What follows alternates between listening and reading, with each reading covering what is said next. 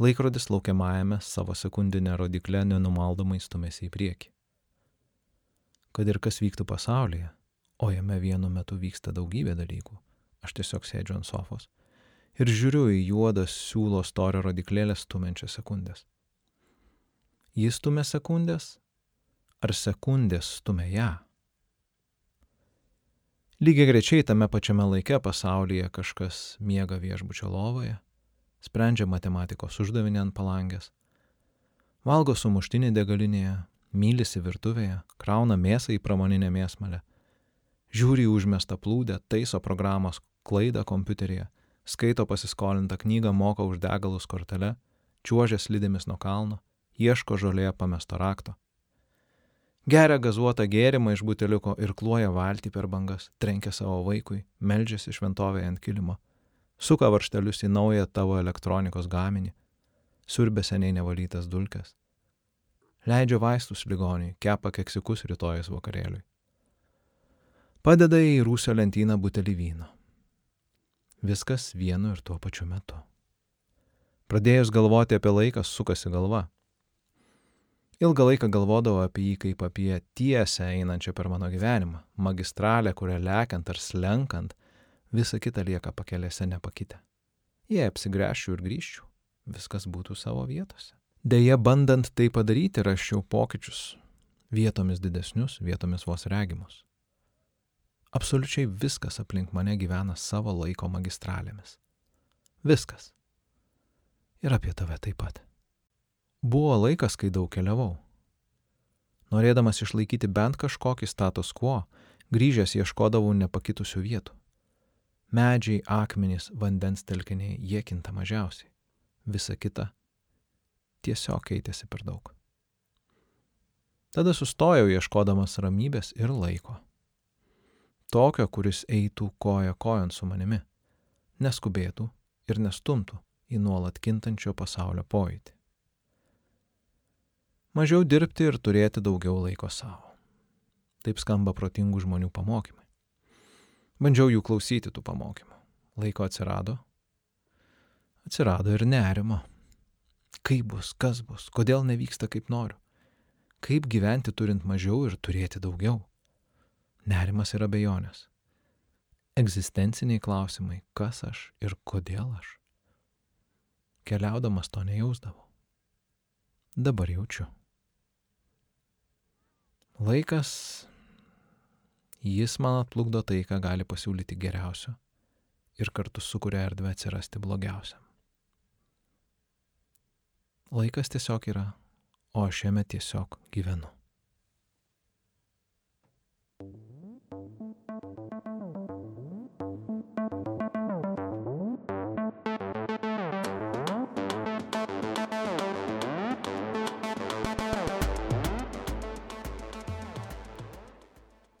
Sveiki, mano brangus klausytojai. Hmm. Kaip jūs gyvenat? Aš tai gyvenu visai neblogai ir pradėčiau turbūt nuo palinkėjimo jum, kad tie, kurie klauso Tilviko lizdą, tiesiog turėtų laiko. Tiek, kiek reikia, kad galėtų paklausyti tai, ko jie nori. Ir ką jau, ką jau čia, bet aš iš karto pradėdamas noriu padėkoti rėmėjam Patronam ir tiem, kurie remia kitais būdais. Ir padėkoti jiem iš visos visos širdies, kiek tik tai aš galiu. Jūs esat nuostabus. Ačiū Jums, kad esat. Ačiū, kad prisidedat. Ir aišku, Jūs esat puikūs visi mano klausytojai. Tai pradėsim turbūt. Ir šita tema yra tokia nu, pakankamai keista. Prieš ją ruoždamasis, na, aš iš tikrųjų taip jaučiausi na, aš jaučiausi ambivalentiškai. Man iš vienos pusės norisi apie ją kalbėti ir man yra įdomu apie ją kalbėti. Ir um, aš galėčiau galbūt irgi ten diskutuoti su kuo nors ilgai.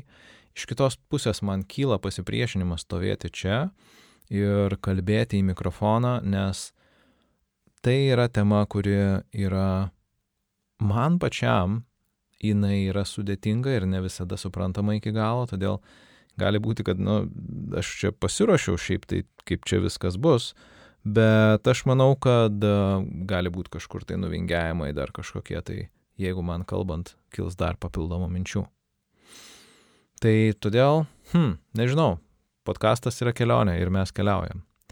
Tai va, jo, kuo daugiau aš galvoju apie laiką ir tuo man daugiau klausimų kyla ir aš čia irgi taip dėliodamasis savo šitą temą pabandžiau atsakyti į juos, kiek tai įmanoma. Bet gavosi taip, kad iš esmės nuokrypis toksai, tai uh, nenuokrypis gal, nu ta pagrindinė kryptis, tai yra, vat, jo, laikas yra pagrindinis ir brangiausias resursas ir kaip čia su tuo viso daryti. Tai mm, kodėl laikas yra vienintelis pagrindinis, brangiausias, nuostabiausias ir visoks koks resursas? Na, iš esmės, mes visi turime ribotą laiko kiekį gyvenime. Visi. Pavyzdžiui, statistiškai Lietuvoje dabar gimę žmonės turi 75,91 metus gyvenimo. Nuo gimimo iki mirties. Maždaug. Aišku, kadangi tai yra statistika, tai mes turim priimti, kad na, toje imtyje bus nuokrypių. Bus, na, Bus žmonių, kurie gyvena žymiai ilgiau, bus žmonių, kurie gyvena žymiai trumpiau. Bet tarkime, kad mes turime tuos 75,91. Reiškia, mes turim pradžią ir turim pabaigą. Ir dar vienas dalykas, kad, na, būdami vaikais ar, ar, ar nuo, nuo mūsų gimimo, tie momentai, kada mes pradedame suvokti savo būtį, savo tą egzistenciją ir, ir truputėlį uh, kažką tai jau gebėti, gebėti suprasti. Vėlgi, tai tie, tie, tie, reiškia, pirmieji porą metų mūsų gyvenimo jie savotiškai tarsi ir išsibraukia. Ir tos atm, tie prisiminimai, kuriuos mes atsinešam iš vaikystės, kai kurie iš jų yra tokie, na, pakankamai migloti ir ten, nu, tiesiog yra tokia, sakykime, mm, nežinomybė kažkokia, kuri, kuri ten lieka. Taigi mes turime dar truputį trumpesnę laiko atkarpą, per kurią vyksta gyvenimas. Ir jeigu mes dar pagalvosim, kad na, ta laiko atkarpa mūsų gyvenimo pabaigoje, jeigu mes susirgam, tarkime, kokią nors, na, nepagydoma, progresuojančią lygą, iš lėto progresuojančią mm, ir nesibaigia ta, tas mūsų gyvenimas taigia tokia mirtim, tai irgi dalis to gyvenimo, na, tarkime, ten jo pabaiga ir ta visa, tas, tas visas sirgimas, jisai irgi savotiškai, na, tarsi atsiminusuoja iš to viso skaičiaus. Taigi mums lieka kažkoks tai gabalas gyvenimo, kurį mes turime tiesiog va, tokį štai ribotą. Taip tikrai, tai yra vienintelis tikrai ribotas resursas tokį, kurį mes va taip galim netgi ir statistiškai laikę apsibriežti.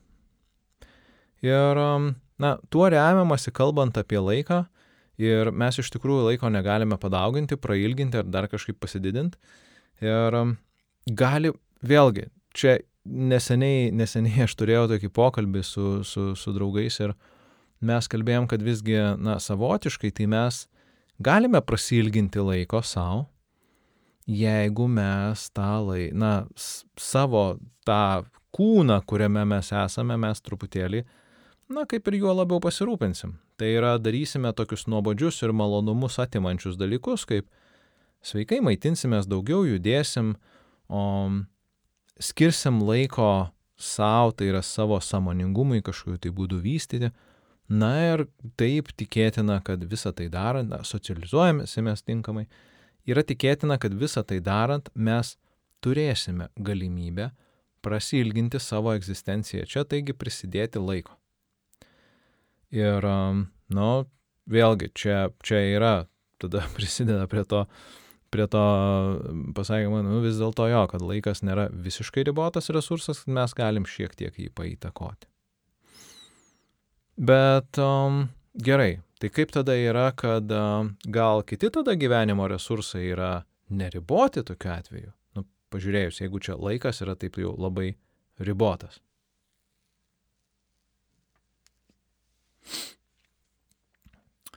Ir kalbant apie tuos kitus gyvenimo neribotus resursus, čia yra ta vieta, kur e, pozityviosios psichologijos fanai ir, ir gerbėjai ir propaguotojai stipriai kliūva. Nes neretai pozityviosios tokios psichologijos ir ten kai kurių coachingo mokyklų teiginys yra, kad na, mūsų potencialas yra neribotas, mes turim neribotus resursus pasaulyje, pasaulis mums priklauso ir čia visa tai yra labai nuostabu ir gerai. Ir tebūnie, tarkim, kad mes iš tikrųjų turime visiškai neribotus resursus. Mes galime tobulėti, aukti ir ten, žodžiu, daryti, ką tik tai norim. Ir tada pradėjus galvoti apie tas neribotas galimybės, aš aišku tada, na, savotiškai pradedu norėti iš gyvenimo irgi neribotų dalykų, neribotų resursų. Ir aišku, kur tai nuveda, tai nuveda į tokius visokius, tarkim, aš čia yra sugalvoti pavadinimai, taigi bet koks atitikimas realybėje yra visiškai atsitiktinis, bet jos atsiranda tokie kūriniai kaip tavo sėkmės paslaptys, tapimas tikroju aš gyvenimo ir karjeros šuolis. Na ir visoks kitoks tas saviugninis šūdas, kuris šiaip iš tikrųjų įkvepia pokyčiam, bet realiai nieko nepadaro realiame gyvenime. Ir aš savotiškai šiek tiek esu piktas ant tos industrijos, nes, mm, nes na, tai nuveda į tam tikrą tokį, um, nu tai klaidina. Tai klaidina ir, ir, ir būtent, kad e, tada iš tikro žmogus labai daug išvaisto savo to brangiausio resurso laiko, siekdamasis ir vaikydamasis dalykų, kurių jisai realiai gal ir nelabai gali pasiekti. E, ir Saviugdos industrija šiaip skaičiuoja dabar milijardus. Ir realiai tai yra tiesiog išretinto oro pardavinėjimas apie neribotą sėkmę, laimę, grožį ir visų visatos pinigų pritraukimą. Tai va todėl aš manau, kad tiesiog visiškai atvirai savo pripažinus, kad visi perskaitę bent tris saviugdos ir savipagalbos knygas, nuėję į ten kelis seminarus ir pasikaučinę ten metus, Jeigu visi taptų superžvaigždėmis, tai realiai pasaulyje nebeliktų kam daryti paprastų darbų, nes visi būtų tiek užsiturbinę ir užsikaučinę ir užsitreningavę ir užsimotivavę, kad iš tikrųjų nebus kam paduoti jiems geros mėsos gabalą parduotuvėje, nuplauti jų parše, prisukti vėliarojant boš tūliką, nutiesti kelią į tą modernų stiklinį biurą, užnešti įskų sofą į tą stiklinį ofisą pagamint tobulą kapučino puodą, super vaikus pamokyti matematikos, nebus kam, nes visi bus super cool. Ir, o darbas tai turbūt turėtų atrodyti nu, toks vienas besitęstintis, vienas besitęsiantis team buildingas, va kaip aš norėjau pasakyti, statant bokštus iš laikraščių ir lipnios juostos. Aš atsimenu, buvau tokiam team buildingė, kur reikėjo daryti ir guess what, mūsų komanda laimėjo. Ir taip, ten piešti ant visokių flipchartų ir, ir magnetinių lentų, vizijas, ten strateguoti ant, ant startupinių tų sėdmaišių atsisėdus. Visa tai yra fainai ir gerai, bet realiai yra bėda ta, kad mm, yra, yra žmonių, kuriuo, kurie tuo tiki ir kurie tą perka, Aišku, tada atsiranda žmonių, kurie tą parduoda. Ir dar yra blogiau, kad žmonės, kurie tuo tiki, kuria, na, tokį tarsi darbo aplinką, kur iš tikrųjų um, realiai to tikrojo darbo kaip ir nevyksta. Ir um, čia yra va, tas, tas, ta, ta duobė, į kurią ten įkrenta apie tos, kalbant apie tos neribotus resursus. Bet aš iš tikrųjų tai nukrypau. Apie, kalbėdamas čia ir, žodžiu, nuvažiavau truputėlį į šoną. Kaip sakiau, taip gali būti. Ir aš gal noriu truputį pažiūrėti į mm, iš tikrųjų o, tą neribotų resursų ar tą neribotų galimybių mitą. Nes um, yra daug aplinkybių, kurios nuo mūsų nepriklauso. Tiesiog. Tarkim, pradėkim nuo to, kad tai yra laikas ir aplinka ir šeima, į kurią mes gimstam.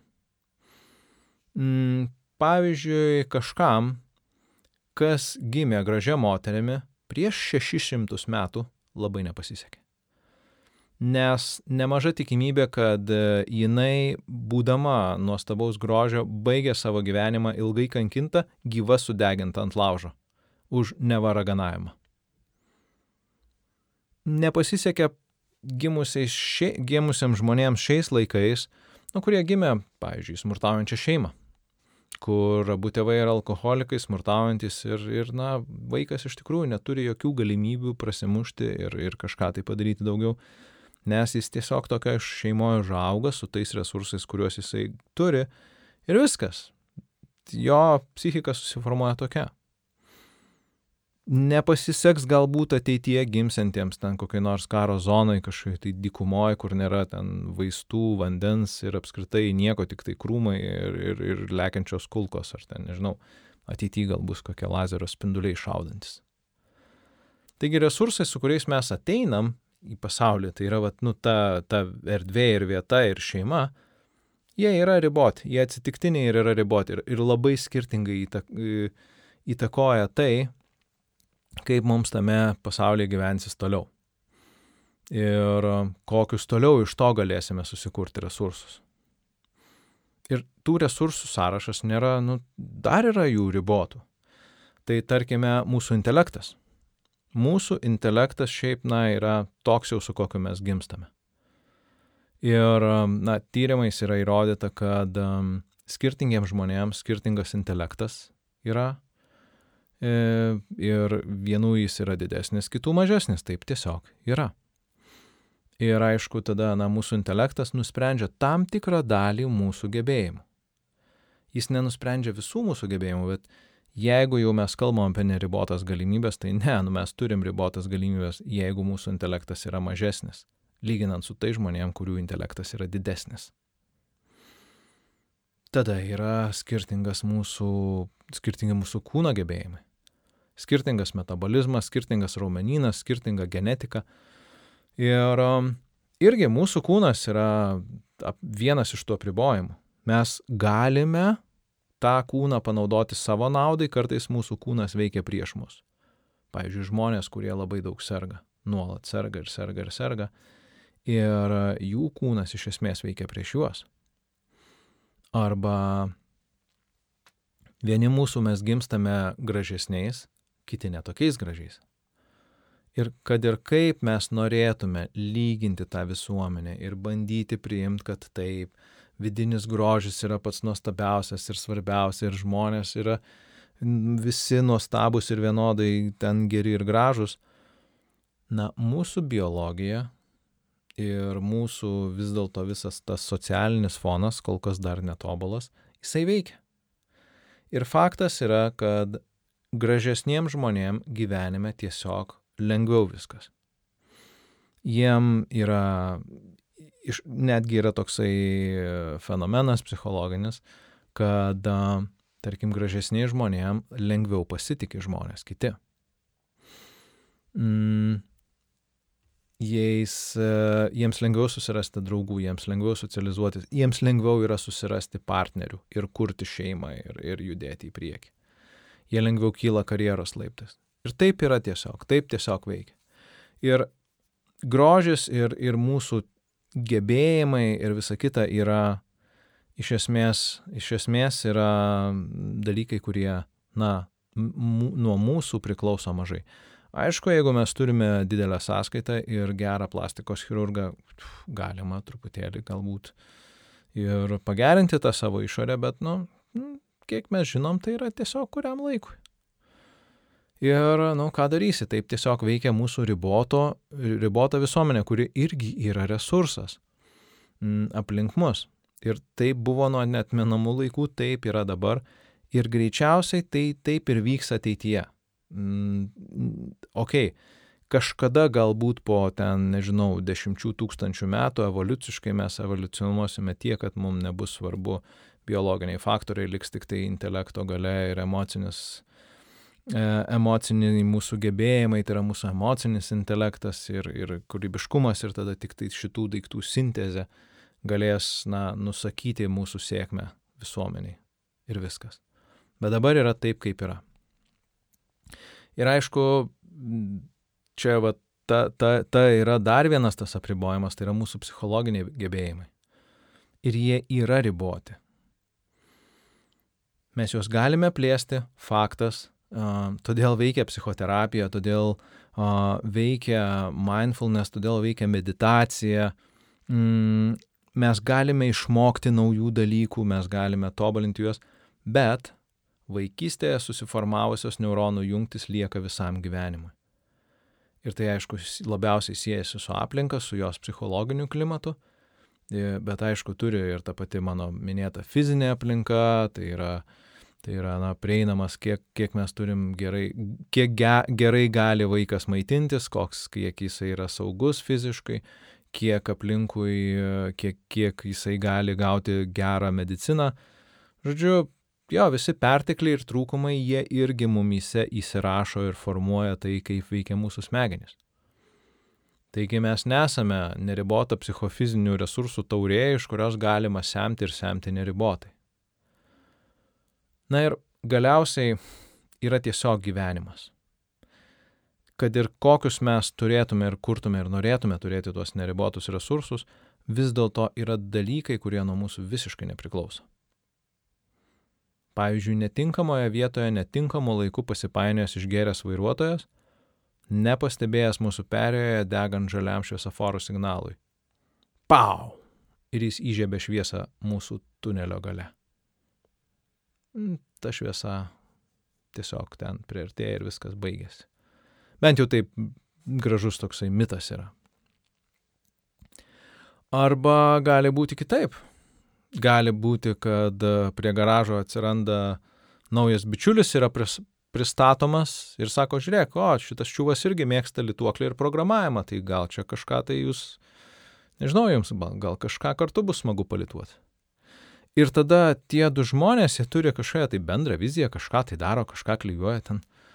Ir po to pasaulis nu, dar nematytų dalykų turi nes tie žmonės iš esmės prisideda prie telefono, muzikos, interneto, kompiuterio naudojimo visiškai kitokio ir niekada neįsivaizduoto kaip iki šiol. Ir tai irgi yra du atsitiktinumai. Keletas dalykų, kurie tiesiog atsitinka vat taip kažkaip tai pasaulyje ir tiek žinių. Ir um, taip atrodo, kad, nu, dabar, vad ką aš kalbu, tai yra taip labai labai taip, nu, tamsu. Per tamsu gal netgi. Jums per tamsu? Man taip, taip kalbant pasirodė, kad tamsoka. Mm, ir taip gali būti. Bet, nu ką, nu čia yra mano podkastas, aš kalbu, ką noriu ir um, aš tą darau ne dėl to, kad čia noriu kažkaip pasiguost, kaip čia blogai ar kažką, bet tiesiog siekdamas parodyti, kaip tą pasaulį aš matau ir e, ką vis dėlto su tuo galima padaryti. Nes mano noras yra parodyti, kad laikas nėra vienintelis ribotas resursas mūsų gyvenime. Kad e, yra kiti resursai arba galima taip paprasčiau pasakyti, kad kitas tas ribotas resursas esame mes patys. Tai yra mūsų nuostatos, tikėjimai, netikėjimai, traumos, įsitikinimai, aplinka, va tie atsitiktiniai gyvenimo įvykiai, kai te numuša išgeręs vairuotojas, ar tu sutinki Steve'ą Vozniką ir tu sukuri Apple. Tai yra daug tokių dalykų, kurie iš esmės tai yra tokie jo ribojimai ir apribojimai. Ir um, ta, visa tai sudaro tokį tiesiog nupainų tokį kamolį siūlų kaip Gordijaus mazgą, kuriame, nu, iš tikrųjų, laikas nebėra vienintelis ribotas resursas, o visa kita yra tiesiog taip neribota ir tiek daug galima semti iš gyvenimo ir kad, nu, čia visi mes galime kurti ir daryti, ką tik norim. Nu ne, mes esam riboti, aš turiu savo apribojimus. Ir um, aš kažkada atsimenu, klausiau Joe Rogano podcast'e, jis kalbėjo su kažkokia tai irgi, nu, pas jį, aišku, pas jį yra žvaigždės visos ten sulindę ir um, jie kalbėjosi su žmogum, kuris iš tikrųjų daug pasiekęs Ir, na, kad Joe Roganas taip labai irgi mm, sako, o, tai čia, va, reiškia, mm, jisai, reiškia, kaip žmonės dabar sako. Mm, tai sako, va, kaip čia reiškia, tu turi dirbti ir daryti ir tada tu pasieksi ir, ir ten dar daugybė, jo, tu tik tiesiog, tu per mažai pavarai, tu nepavarai pakankamai, dėl to tu nepasieki ir nepadarai. Tai va, Joe Rogano, va, apie tai komentaras ir buvo toksai, kad sėkmė yra ne vien tik tai sunkus ir nuoseklus tavo darbas. Sėkmė dar ir yra aplinkybės. Ir yra daugybė žmonių, kurie daro viską labai gerai, bet jie niekada nepasiekia tų neregėtų aukštumų, kurių jie siekia. Tai va aplinkybės yra ta dar viena mus ribojanti pasaulio dalis. Ir kad jau kalbam apie tamsą ir kad nebūtų taip tamsu ir blogai, aš siūlau jums paremti podcastą. Kaip? Tiesiog nueinate į tilvikas.lt įstrižas brūkšnys lizdas, paspaudžiate nuorodą prisidėti ir paremti. Jums bus labai labai didelis ačiū. Aš jūs minėsiu visose podkastuose ir džiaugsiuosi, kad jūs esat. Ir um, aišku, kad nebus taip tamsu ir jūs busit kažką gero padarę, kad podkastas gyvuotų. Ir um, kas dar? nu, dar jūs prisidėsit prie to, kad taip suprantat, kad ir aš turiu ribotus resursus savo podcastui ir jūs prisidedat prie to, kad tie riboti resursai būtų išplėsti. Taip?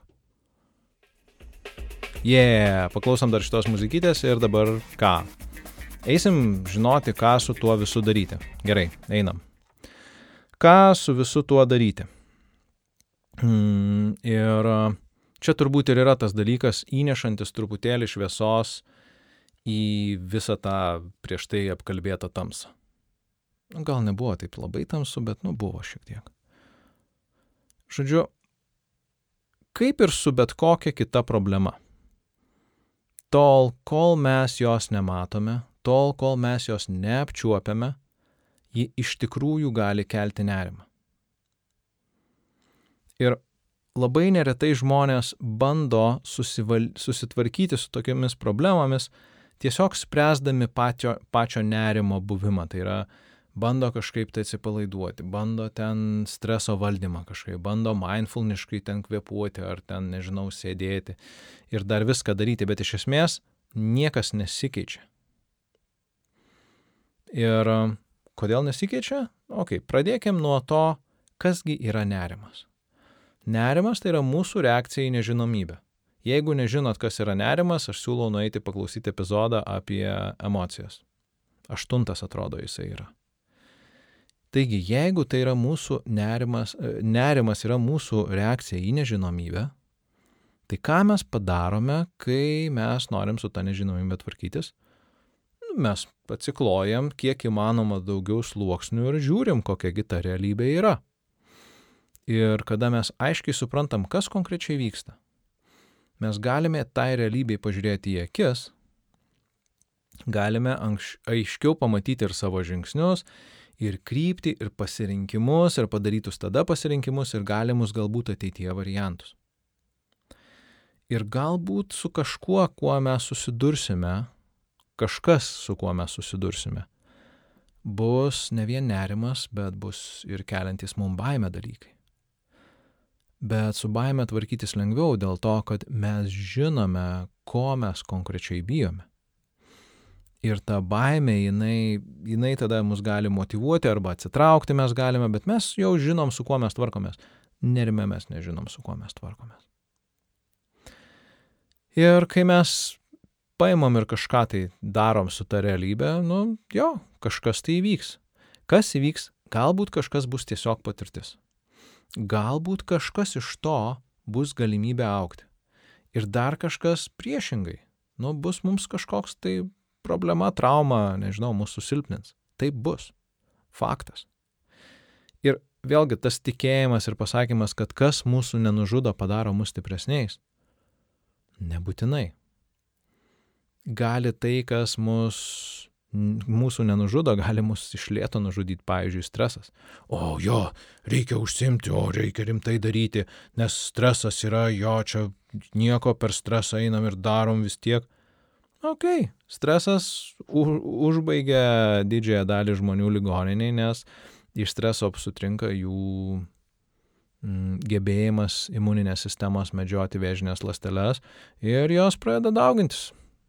Tai visos lygos iš streso, ne? Tai va, arba, na, iš tikrųjų, hmm, lygiai tas pats apie, apie persitrenirumus, perdėgymus visokius ir visus tuos per fenomenus ir simptomus, ir, ir sindromus, ir visa, kas, kas yra per daug.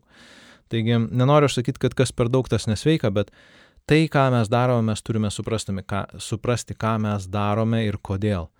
Ir būtent, kada mes žinome aiškiai, ko mes siekiame, tai mums tada yra visą tai lengviau ir padaryti.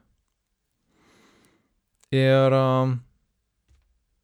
jeigu mes jau žinome, kad mes turim ribotą arsenalą galimybių siekti tų mūsų aukštumų, tai mes tada taip išlėto arba su trenksmu nusileidžiame ant žemės ir suprantame. Supratimas yra toks, kad tame ribotame laike, su savo ribotais įgimtais ir ribotais įgytais resursais, mes galime padaryti tiek, kiek konkrečiai tuo metu galime. Bet tada sumažėja nerimo ir atsiranda planas mažiau nerimaujant atsiranda daugiau energijos, nes ta energija, kurią jūs skirdavot nerimavimo, nerimas, patikėkit manim, sugeria labai daug energijos, atsiranda energija kažką tai daryti.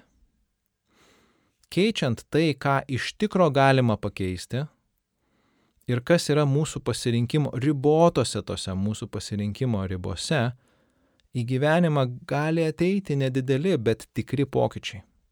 Tokie labai realistiški, bet labai riboti, bet labai tikri ir aiškus. Ir tie pokyčiai maži yra kaip kaupiamosios palūkanos. Kaip palūkanos, kurios uh, pabaigoje periodo susikaupia, mes jų neišleidžiam ir jo, prie jų prisideda dar kitos palūkanos ir tada taip sukasi tas ratas ir jisai didėja.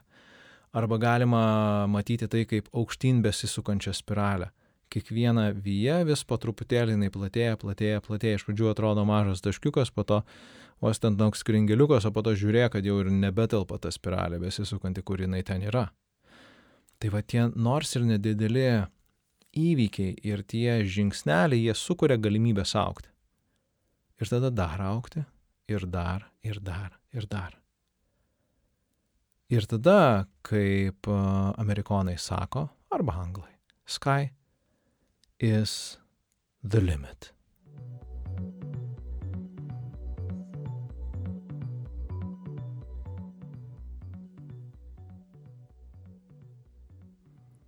Šalta guma prisiglaudžia prie odos. Akis pagauna šviesos dulksnas klindančią iš okuliaro. Pasukioju rankenėlę pirmin ir atgal ieškodamas fokuso taško. Žvaigždės iš bliškių blynų tampa idealiais taškais vidury didžiulė blyški dėmė. Mesija 31. Andromedos galaktika. Ji vos telpa į regėjimo lauką. Ilgai žiūrint pradeda ryškėti vos matomos spiralinės gyjos. Tai, ką matau, fotonai ištrūkę iš šio erdvėje skriejančio giganto žvaigždžių, šviesos greičiu keliavę 2,5 milijono metų, baigė savo gyvenimą mano akies tinklainėje. Ta šviesa iškeliavo dar tada, kai Žemėje prasidėjo ankstyvasis akmens amžius. Homo sapiens tada dar nebuvo ir Žemėje bėgiojo kardadančiai tigrai. O pieva, ant kurios dabar stovi šalia teleskopo, dengia pusantro kilometro aukščio ledo sluoksnis. Aš turiu privilegiją akimis paliesti gilę praeitį. Visą tai apie laiką. Kokia begalinė laiko juosta jungia mane ir tą galaktiką. Visą tai apie laiką kokia begalinė laiko juosta jungia mane ir tą galaktiką. Dar galiu atsitiesti, iš termoso gurštelti kavos, pajusti jos skonį, klausytis naktinių garsų ir suvokti. Aš esu čia, dabar. Matau tai, suprantu, ką aš matau, kas tai yra. Tai yra magiška. Dar labiau magiška tai, kad mano kūnas, matantis tą šviesą ir virškinantis tą kavą, sudarytas iš anglies, kalcio, geležies, aliuminio. Elementų atsiradusių sprogus didžiuliams supernovoms ir sprogimo bangai ištaškius jų gabalus po visatą. Aš esu dalis tų sprogusių žvaigždžių. Kitoms dalims taip nepasisekė. Jos tiesiog dulkės skriejančios kosmose, ar akmenys man po kojų. Žvelgiant į dangų suprantu, koks mano buvimo čia laikas yra trumpas lyginant su žvaigždėmis ir galaktikomis. Visatoje aš esu mažytė, niekam nesvarbi dalelė, gyvenant tik akimirką, tik vieną akimirką. Bet dalelė, galinti matyti, girdėti ir suvokti, daryti išvadas, jausti, mylėti, juoktis ir kurti. Dalelė savo gyvenime galinti daug daugiau už akmenis ir net už žvaigždės, galinti sugerti svetimos galaktikos šviesą į savo akis ir papasakoti apie tai kitiems. Dalelė siekianti padaryti savo ir kitų gyvenimą kažkiek geresnį. Kartais truputį, kartais daugiau. Taip ir reikia, tą ir darysiu. Tu taip pat tai gali padaryti, jeigu nesi akmuo.